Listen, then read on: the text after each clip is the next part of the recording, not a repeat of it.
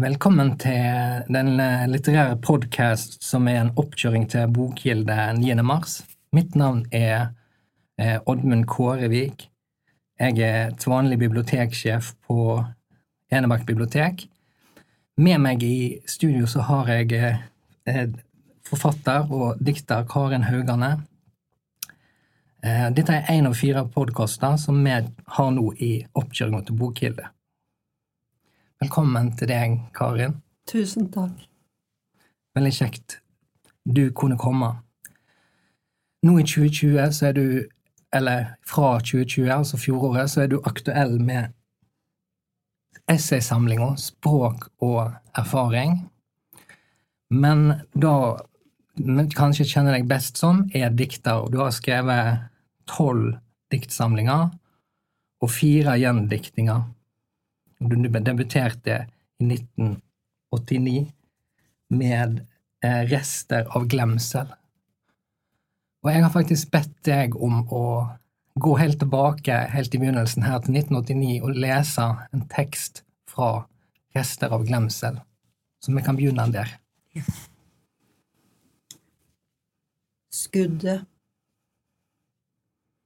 Skuddet. Det skjelver i fuktig jord. Klokken er 20.05. En hånd er i ferd med å falle ned. Bankende blod dunker til tinningene sprenges av fiolinmusikken, som truer med å komme inn overalt. Fiolinene stiger og stiger skriker til vannet hyler fra to store hull i hodet. Presses ut av porene i kroppen, strømmer til fossespinn i knoklene, tørkes opp og blir borte, stivner til harskt salt, tvi. Jeg vil se lyset enda en gang, på skrå inn i rommet, lydig som før. Jeg vil se den grenseløse hvitheten, før fargen over deg blir mattere. Jeg må se deg farge meg fin, kjenne at du kaster slangene på meg i en rød jakke av sommer og lavendel. Ennå å være så nær jorda. Han ligger med ansiktet vendt mot jorda, mot steinjorda, ennå varm og tørr.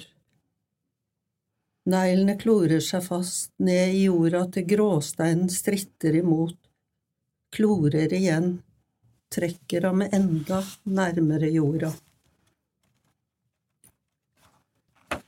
Han ligger til den dagen hvor hun som har tiden, hastig teller et stillebenhode mot jorda. Et tørket skinn spent og strukket, korsfestet til jorda. Fra luften ser han ut som et faresignal i den lille ulljakken han har presset på seg. En rød jakke. Ved nærmere ettersyn er det tydelig, der er festet små hvite blomster på den, strødd utover med sommersnø og lavendel. Det lukter henne av den, hun som passet den og tryllet den frem av røde tråder. Nå ligger den trangt og bakser med en storvokst mann til høyre for huset et sted Klokken er 20.15. Det rasler i persenner, gjorde det ikke, en lyd, det begynner kan hende å regne, det blåser, omslag i luften, plutselig, aldri et varsel, det kan være godt forresten, for hagen, den var blitt så vissen og tørr, sørgelig utpint, det må ha vært for varmt i det siste, du burde ha vannet plenen, Spesielt der borte er den brunsvidd, litt på skrå der ved bedet. Nei, ikke der. Jeg ville rive håret av hodet ditt, tvinne de små dotter og stoppe i ørene mine slik at fiolinmusikken ikke kommer inn. Skjære små striper av huden din, legge dem til bokstaver på bordet og fortelle deg at himmelen ikke fins, for du reddet bare deg selv, aldri meg.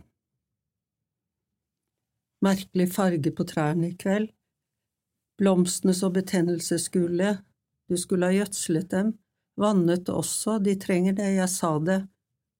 Han borer seg ned. Det var da en lyd, Det gikk i en dør. Det skråler og skriker for mye der inne, blafres så hektisk i gardinene. Det er ikke noen som dør der inne. Jeg ville knuse de små knoklene i kroppen din til du forteller meg at din himmel ikke er til, rive mastene ned. Det er jeg som er til. En grønn flaske tuter i vinden, slår mot et vaskefat, en flokk maur går forbi, klokken er tyve, tyve. Han venter, venter på tiden, timene, minuttene, sekund, ingenting. På lyset, den grenseløse hvitheten. Han venter på fargene, de urgamle fargene så nær jorda. Venter til regnet strømmer friere, plutseligere, friere. kjempe mot fiolinene, blåheten og det dovne mørket galopperende gjennom ganen. Han venter til det striregner tungt og klart. Jeg skulle bedt ormene komme og ete deg, og knuse hvitheten din med hvesende tunge, gitt deg et drag av det svartsprengte, blåheten, hentet deg ut, først da kunne jeg ventet deg. Han gjør våpenet ferdig, jeg venter på å glemme, min egen hånd som leter etter feber i kroppen din, som Herregud, først da, Marie, venter at ingenting har vært forgjeves, venter til det smalt igjen, klokken er 20, 30, 35. Tusen takk. Hvis vi ser på titlene dine, så er, er det jo litt artig å bare for de som ikke kjenner forfatterskapet det, det så godt, så er det rester av glemsel, posisjon vitne, varslet tid, ruiner av forbindelse. De henger på en måte sammen. Og det er litt dette temaet som, som du utforsker om igjen og om igjen. Og når jeg har sett på Kikka på diktsamlingene dine, så er det som jeg ser at i begynnelsen så er det nesten uten språk, eller det kan være ganske sånn små Små eh, liksom utbrudd eller små Litt gåtefullt. Men så blir det mer og mer uttalt. En annen familieelegier er ganske uttalt, og så kommer du med den samlingen din som heter Språk erfaring, der du skriver f.eks. et essay som heter Barnet som vitne. Mm. Der du blir helt, der du skriver det akkurat som det er.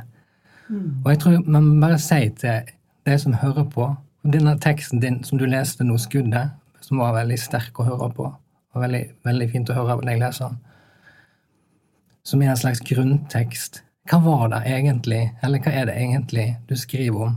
Her kan du bare si det sånn med rett ut.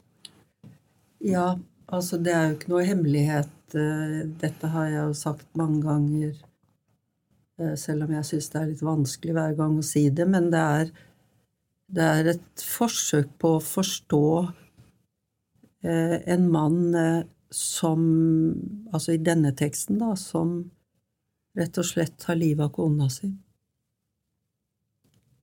Prøve å se det innenfra. Og det, det har jo jeg erfaring med. Det vil si at jeg har en far som tok livet av min mor. Og denne teksten um, kunne kanskje like godt ha hett 'Når sjelen revner', eller noe helt annet, men det var sånn det ble til.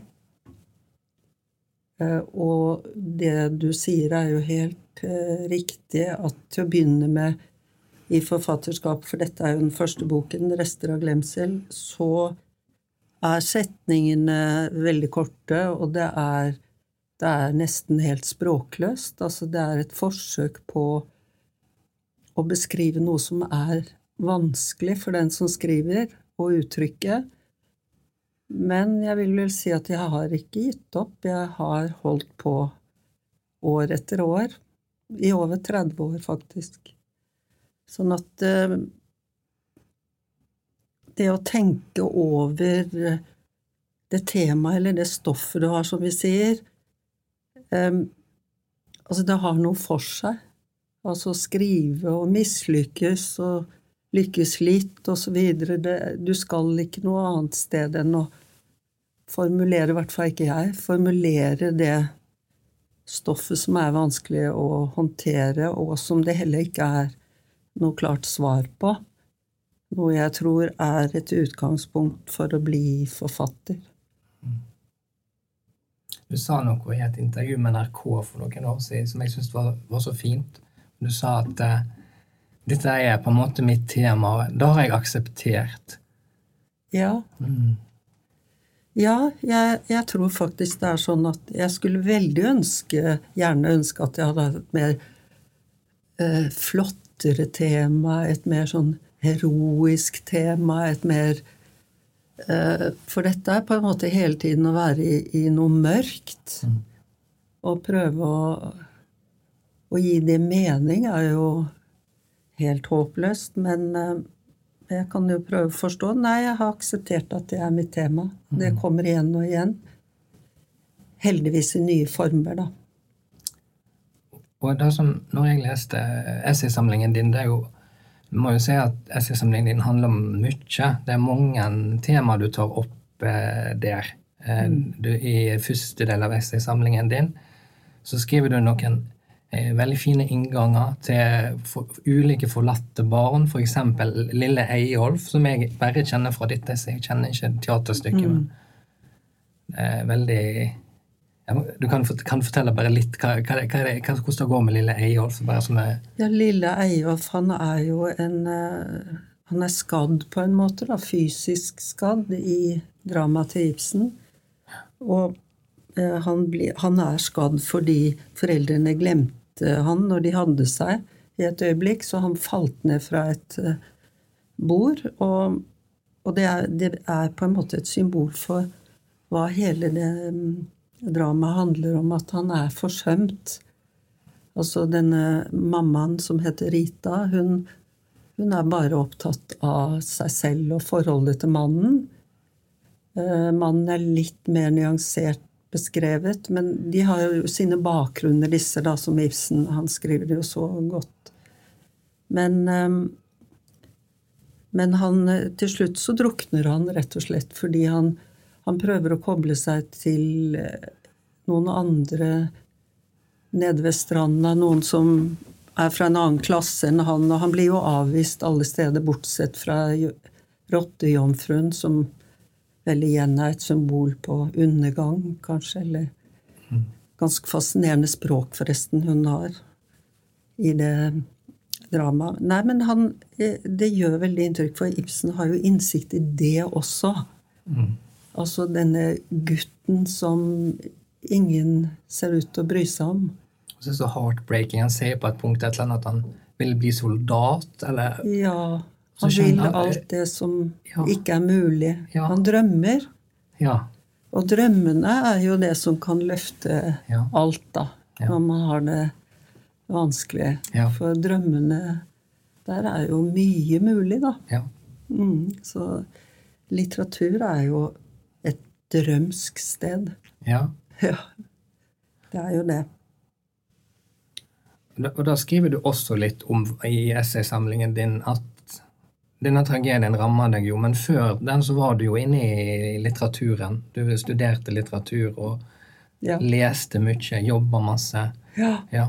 ja. det har jeg gjort. Mm. Uh, alltid. Altså, litteratur har alltid vært viktig helt fra jeg kunne lese, og jeg kunne lese ganske tidlig. For jeg fikk hjelp av bestefaren min, som var veldig interessert i bøker. Ja.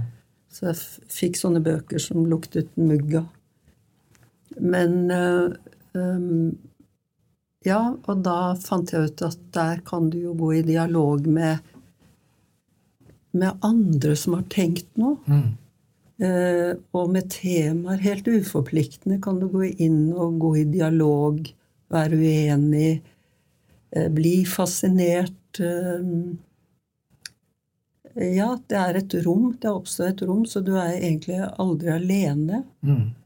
Ikke sant? Det er eh, Jeg syns det var en fascinerende verden, akkurat som noen går inn i film og blir helt fascinert, som Bergman ble, f.eks., uten ja. sammenligning ellers. Men, men, at du oppdager en verden som er din, ja.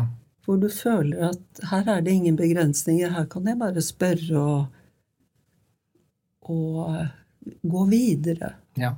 Og du kan til og med lære mye når du oppdager at du vil skrive selv eller prøve, så er jo litteraturen den beste læremester, hvis ikke den eneste. Mm. Ikke sant? Fordi du kan til og med lese bøker som ikke er så godt komponert, og lære ja. noe av det. Mm. Det behøver jo ikke være perfekt. Nei.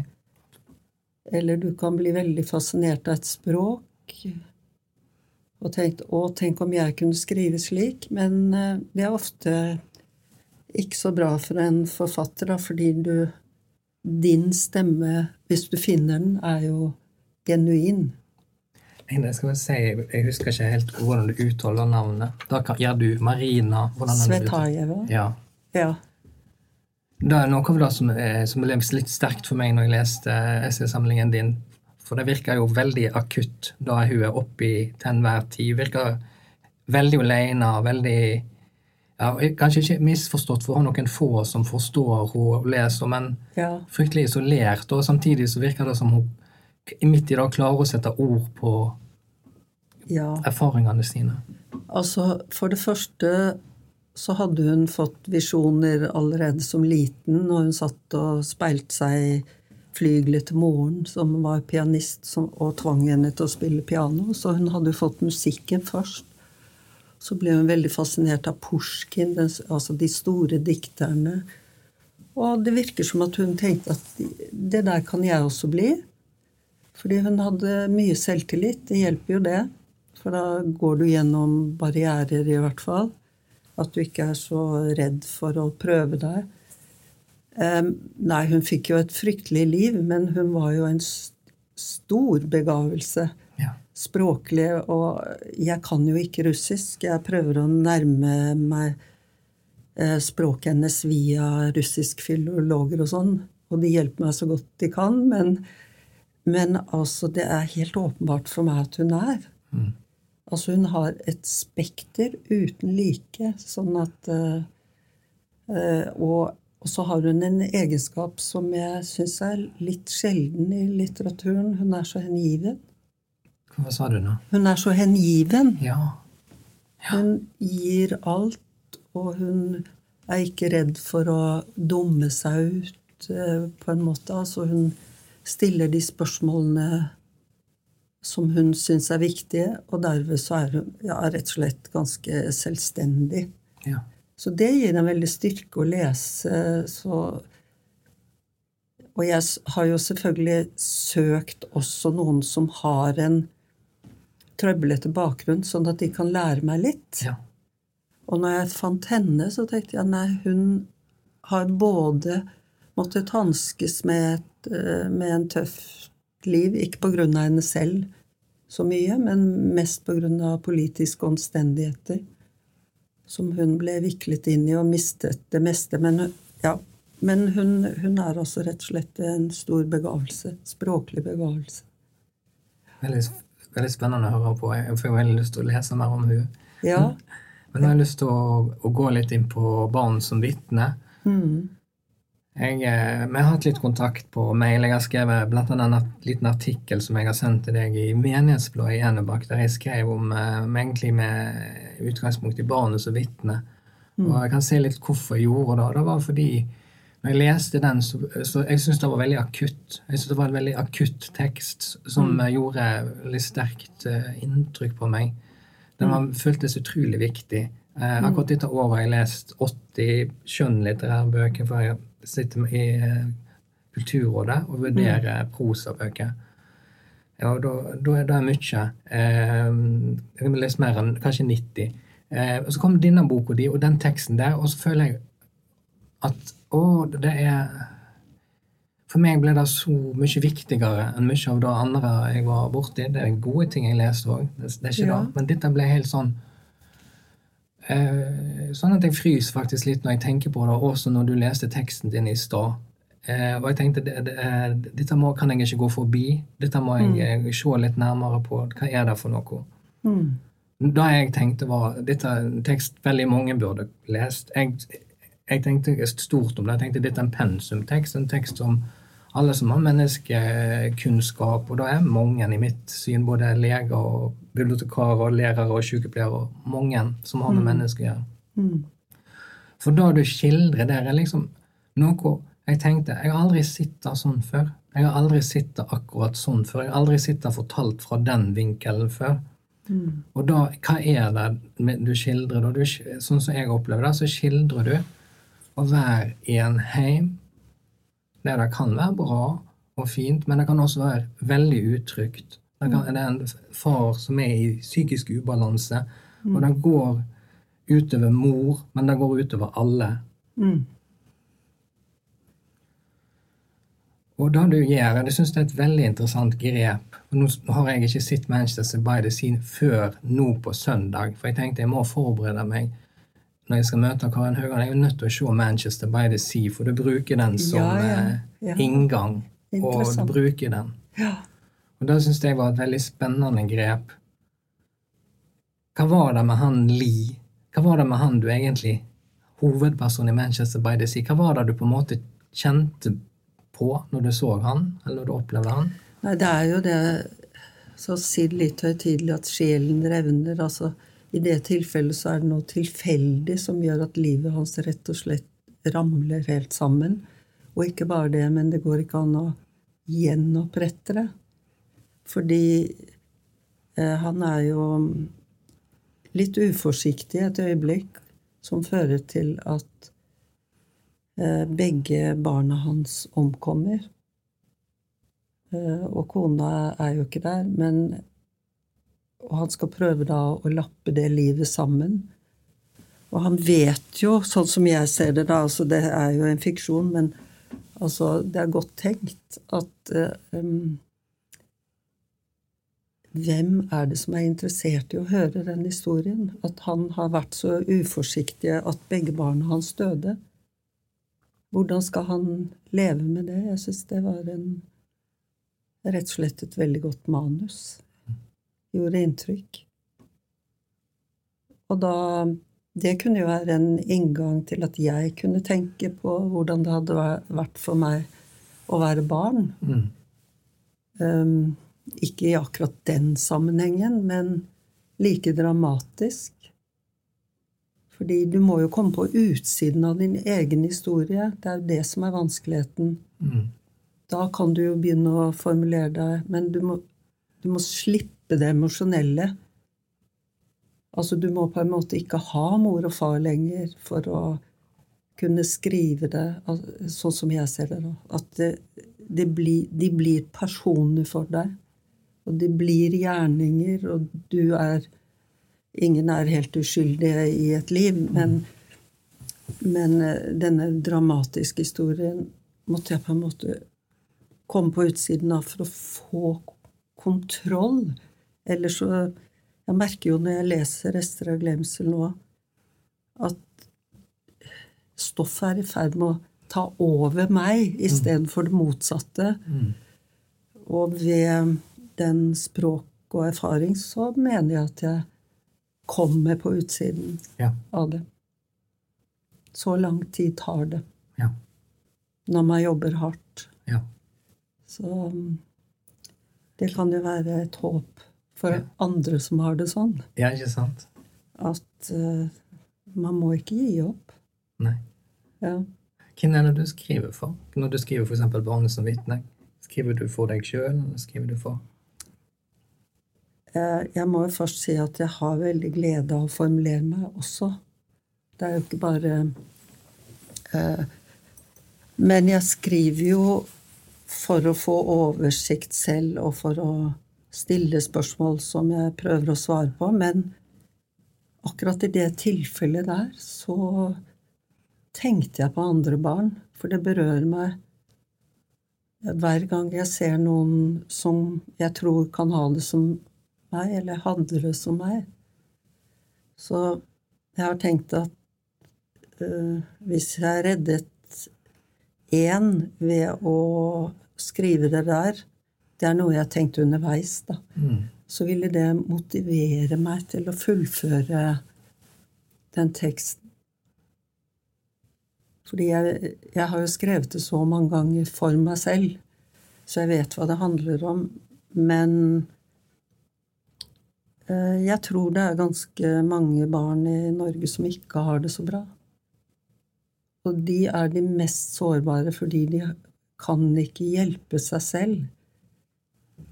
De, det er det de voksne som må ta ansvar for når noen har det vanskelig.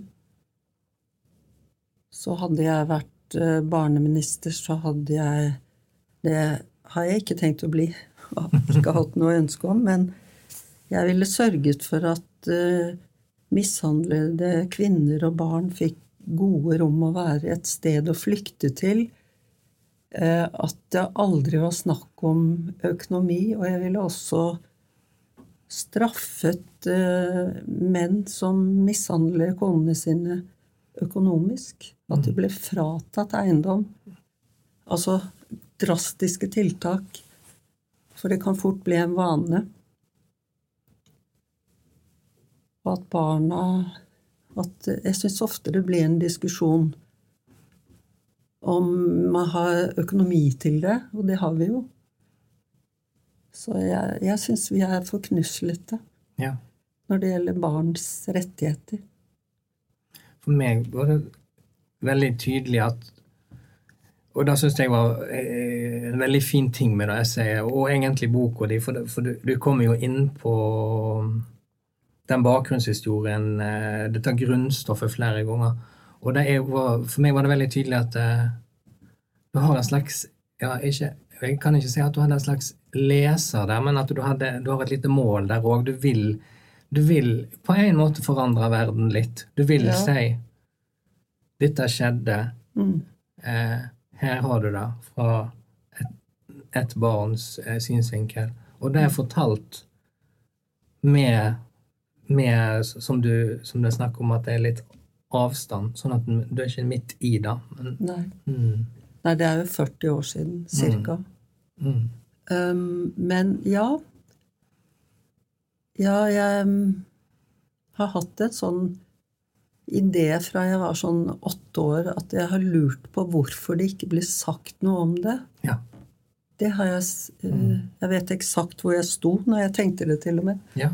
Hvorfor blir ikke det behandlet at eh, kvinner blir så undertrykt som de ble på 50-tallet?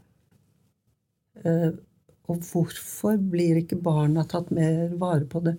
Det var ikke noe språk på det. Det var hysj-hysj, Ja. ikke si noe, osv. Knyttet til skam, selvfølgelig. Men hvis man ikke stikker hull på skam, og den som vet ikke sier noe, så fortsetter det jo som, som det alltid har gjort. Et ord som jeg et ord som ble så betydningsfullt for meg i eh, jeg tror det, jeg tror det er barn så vidt jeg fant det, men jeg, jeg har også funnet det igjen i diktsamling, og jeg husker ikke hvor akkurat, men det er nød. Ja. Ja. Det blir så Jeg tror ikke jeg har lest det så sterkt før, jeg, for du, du lar det stå Ja. for seg. Ja, det er jo nød. Mm. Men det må du jo Altså barn som hele tiden blir kastet inn i utrygghet, Jeg klarer jo ikke å sette sånne ord på det selv. Du må jo få avstand og tenke på det. Mm. Um, så det er jo en fase å gå igjennom. Men det tyngste er på en måte at du når, Som forfatter, da, når du skriver om den type stoff, så mister du familien din. Ja. Det gjør du fordi det er eh, ikke den familien du selv eh, har skapt, for å si det sånn. Eller, men det, eh, det er hardt. For det er ingen som liker at man pirker i noe som er skammelig. Og vanskelig. For det er jo vanskelig for alle. Så det har sin omkostning. Mm. Det har det. Men jeg vil det. Mm. Jeg vil sette ord på det. Og jeg tror det kan hjelpe andre når du gjør det. Ja, jeg savnet jeg, Som sagt, jeg hadde spørsmål hvorfor jeg ikke fant noe om noen som hadde det som meg. Så det, det er noe jeg står for. Å fortelle det. Men det er selvfølgelig min fortelling. Ikke sant? Det skjønner jeg. For den er jo komponert i og med at jeg har en inngang med denne filmen som du nevnte, Mm. 'Manchester by the Sea', og slutter med den, så er den jo en komponert fortelling. Mm. Så den tilføres jo energi og så videre som alle fortellinger gjør, egentlig. Sånn at mitt inntrykk, eller min erfaring, er at av å lese, da Fortellinger eh, som er tilført energi, kan jo være sterkere enn virkeligheten, til og med. Mm. Fordi det, det er noe som blir akutt. Ja. Så det er jo et komposisjonsgrep også, da. Og at språket hensiktsmessig, skulle være hensiktsmessig altså på den måten at det skulle være nøkternt. ja. Og ikke noe høystil eller lavstil, men bare beskrivende nøkternt. Så det, det er jo valg du tar. Ja. Og, og så tenker jeg på Jeg var inne på det med den ene forfatteren du nevnte, men det er jo eh, de, noen av de poetene du skriver om. Pål Celan, Gunvor Hofmo. Mm. Flere av disse de har jo veldig akutte livserfaringer og, i, i eget liv. Ting de egentlig aldri kommer over. Ja. Mm. Men de er en del av en europeisk historie som er ganske eh, krevende å sette seg inn i. For de er jo eksempler eh, på menneskers liv i forrige århundrede. Med to kriger og jødeforfølgelsen. Jeg er ikke bare jøde, men tatere, homofile, altså politiske motstandere, men veldig mange jøder. Så Paul Selland er jo et han, Det store ved han er jo at han klarte å uttrykke seg etter holocaust. Og um, Gunvor Hofmo er jo også en utsatt person ved at hun eh, hun har, altså det er vel ingen som har erklært henne som homofil, men jeg har forstått at hun var det. Mm. Og det var jo forbudt å være i den tiden. Så hun, hun var jo på en måte i et lukket rom, men hun ble jo forløst ved en venninne. Altså Ruth Maier, det er jo fantastisk historie, men så blir jo hun um, arrestert og dør i konsentrasjonsleir. Og det er, det en av de historiene som var i det århundret. Så det er jo en kamp eh, mellom kommunisme, fascisme, nazisme Sånn eh, ganske krevende århundre til og med å lese om. Mm. Men jeg syns det er fine forfattere. Så det, jeg søker dem selvfølgelig fordi de har en sånn bakgrunn. Men um, også fordi de setter på en måte historien i en større sammenheng for meg. Det er det som er litt, litt merkelig for meg. Jeg vet ikke, du, du, tenker gjerne ikke på det på den måten, men for, jeg kjenner ikke disse forfatterne så inngående som deg, men for meg blir det faktisk på et vis litt uh, trøstende å, å, lese om uh, den ramma du gir. da. Det handler også om at du behandler stoffet ditt nøkternt, som du sier, men også med en varme. Mm. Uh, du Ja. møter de sånn. Ja. Ja, det er fint du sier. Det liker jeg godt. Mm. Eh, ja, de betyr jo eh, så mye for meg som eh, altså poeter og Jeg syns jeg blir kjent med dem gjennom litteraturen. Eh, det er jo en illusjon, selvfølgelig, men eh, nei, det, jeg syns det er fine lyrikere. Og mm, Gunvor Hofmo har jo veldig sterkt språk, før hun blir eh, får dårlig helse, Mm. så er det eh, setninger som 'jeg vil hjem til menneskene'. Mm. Det, det slår jo altså rett inn i, um, i menneskesinnet, et hvilket som helst menneskesinn. Sånn at hun, hun setter ord på det. Eh, Pål Sæland blir jo mer og mer abstrakt, men til å begynne med så er det jo utrolig fin dikt. Så nei, jeg, jeg leser stadig om dem. Og de blir jo referert til hele tiden òg. Gunvor Hofmo i Norge, og kanskje litt i Sverige òg, faktisk. Mm. Men uh, Pål Selland overalt, egentlig. Han er jo regnet som en av de største poetene etter krigen. I kraft av det at han klarte å sette ord på noe så vanskelig. En sånn tilstand å være i. Ja. Så,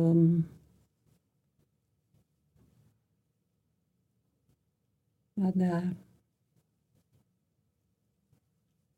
Det er jo det som gjør inntrykk også når det gjelder Selland, er jo at uh, han ber Gud be til menneskene. Ja. Så han lurer jo på hvor Gud var i denne katastrofen. Um, han får vel ikke noe svar på det, virker det som. Og da, da kom jeg på noe fra en tekst eh, av deg. Og jeg tror det er en bror som ber om at far må bli tatt opp til himmelen, og så kan han komme, komme, komme ned igjen når han har blitt frisk. Ja, ja. Mm. ja. Jeg tenker vi runder av her. Jeg syns dette var veldig spennende, Karin Haugane. Tusen takk for dine veldig reflekterte tanker. Så må jeg bare gjenta tittelen på boka di, som er 'Språk og erfaring'. Som da for meg var bare en av de sterkeste leseopplevelsene. Tusen takk.